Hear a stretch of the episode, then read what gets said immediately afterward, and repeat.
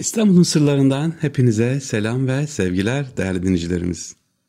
Öncelikle teşekkür ediyoruz. Çok çok çok dikkatli dinleyen dinleyicilerimiz var. Hemen anında yazıp gönderiyorlar sorularımızın cevaplarını. Tabii ki inşallah arkadaşlarımız, Sami kardeşimiz özellikle kitapları kargoya veriyor, ulaşıyor. Ulaştığı zaman bize bir fotoğrafla da yollarsanız geldi diye e, biz de sosyal medya sayfamızda paylaşırız sevgili dinleyiciler. Ee, sorumuz nasıl? Programı anlatıyoruz. Ee, programımızın içerisinden bir sorumuz var. Dinlediğiniz, bildiğiniz şeylerden inşallah. İnşallah bize Instagram'dan Fahri Sarrafoğlu Instagram'dan veya sarrafoklu fahri nokta sarrafolu fahri gmail.com'dan ulaşabilirsiniz. Başlıyoruz efendim. Bugünkü programımız Sultan II. Abdülhamit Han'ın vefa örneğini anlatmak istiyorum. Sultan II. Abdülhamit Han bir İngiliz denizciyi vefatından sonra cenazesini İstanbul'a getirtiyor.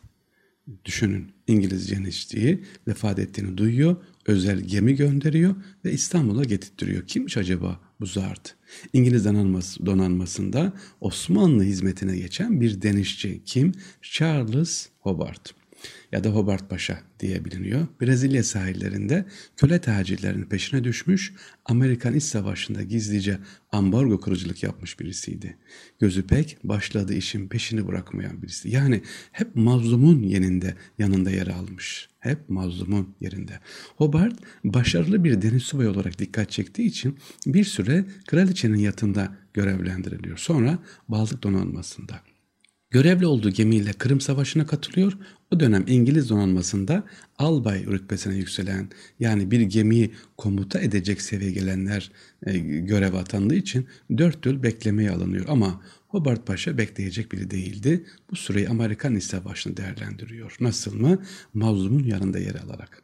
Güneyliler gelişmiş Kuzey donanmasının ablukası altında ne pamuklarını satabiliyor ne de sanayi malları ve cephane alabiliyordu. Tek çare Kuzeyli gemiler atlatıp Güney limanlarına yanaşan abluka kırıcılardı.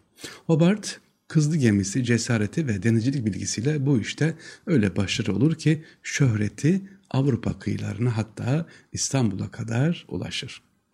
İstanbul'un sırlarındasını size Hobart Paşa'yı anlatıyorum sevgili dinleyiciler.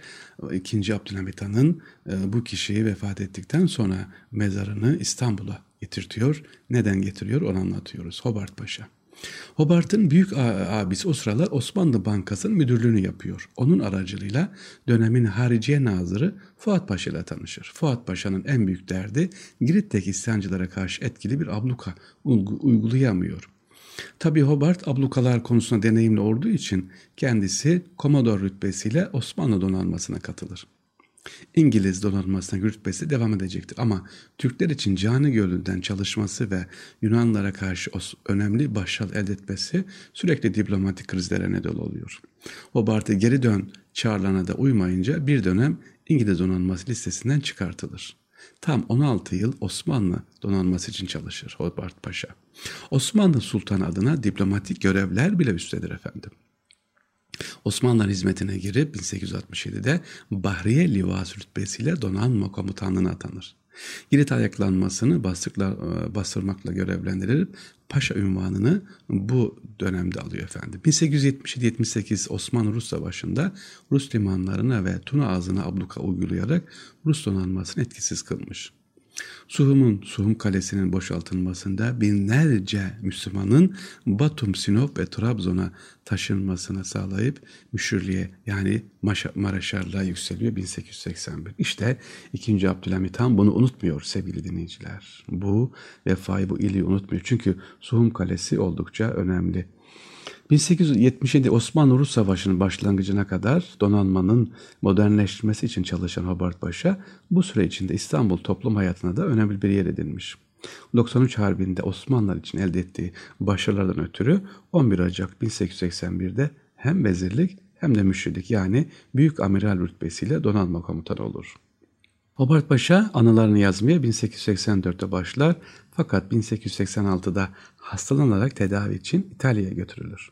Ancak iyileşmeyerek 19 e, Haziran 1886'da Milano'da ölür. İşte Sultan II. Abdülhamit Han, Hobart Paşa'nın Türk topraklarında gömülme vasiyetini yerine getirmek için Necit vapurunu İtalya'ya gönderir. Cenaze İstanbul'a getirerek Selimiye'deki İngiliz mezarlığına gömülür efendim. Anladık mı şimdi neden Hobart Paşa'yı anlattık sizlere? Ee, özellikle e, merak eden, anıları merak edenler Hobart Paşa'nın anılarını okuyabilirler sevgiliciler. Ee, neden kendisi İstanbul'u sevmiş, İstanbul'un hangi özelliğinden dolayı sevmiş bu kadar detay vermeyeyim ama bu anılardan Hobart Paşa Anıları kitabından okuyabilirsiniz. Ee, çeviren Derin Türkömer kardeşimiz tarafından hazırlayan da Kansu Şarman. Ee, evet sorumuz ne peki sevgiliciler? İstanbul'un sırlarındayız. Yeni açanlar veya bizi başından beri dinleyenlere kitap hediye etmek istiyoruz.